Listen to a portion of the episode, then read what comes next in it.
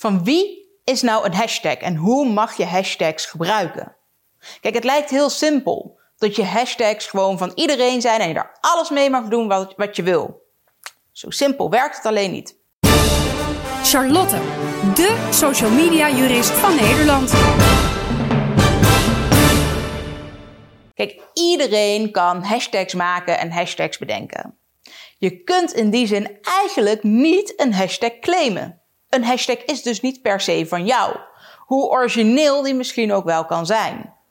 Ja, tenzij die dan weer zo extreem origineel is dat er auteursrecht op zou kunnen rusten. Maar tot nu toe is er nog nooit auteursrecht aangenomen op iets van minder dan 11 aan, aaneengesloten woorden.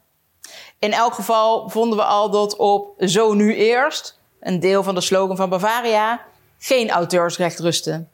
Dus uh, knappe kerel die iets weet te verzinnen van een hashtag waar toch wel auteursrecht op zou rusten. Waar we wel mee te maken hebben is bijvoorbeeld het merkenrecht. En eventueel misschien zelfs handelsnaamrecht.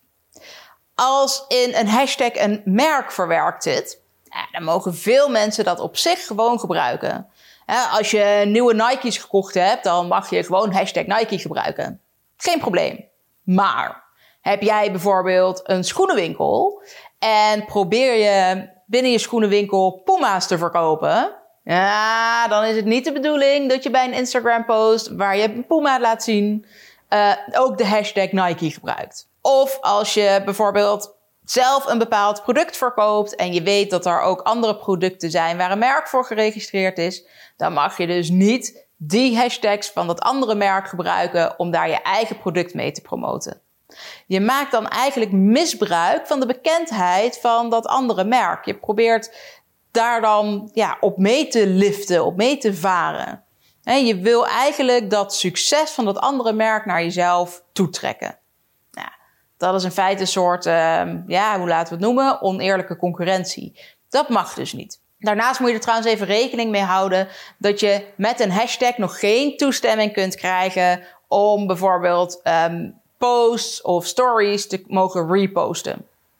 Het, het lijkt alsof dat een makkelijke mogelijkheid is. Je zet in je bio, goh, als je deze hashtag gebruikt, dan zullen we reposten. Maar ja, hoe weet je zeker dat mensen die wel je hashtag hebben gevonden, ook je account vinden en de bio hebben gelezen? Daar kunnen zij dus niet zomaar mee akkoord zijn gegaan. Terwijl er wel auteursrecht rust op hun eigen post. Gebruik een hashtag daarom vooral om die content te kunnen vinden. En vervolgens kun je dan natuurlijk altijd nog om toestemming vragen. Verder mag je hashtags natuurlijk wel gewoon inzetten om inderdaad alle content te vinden en op die manier bijvoorbeeld een strategie uit te gooien waarbij je bepaalde hashtags steeds de post van liked of daarop reageert en op die manier nieuwe mensen leert kennen. Um, mensen DM's gaat sturen voor zover dat dan kan, zonder dat je problemen krijgt met koude acquisitie. Um, dus je mag allerlei hashtags gebruiken, maar je mag dus meer als consument dan is er eigenlijk geen probleem.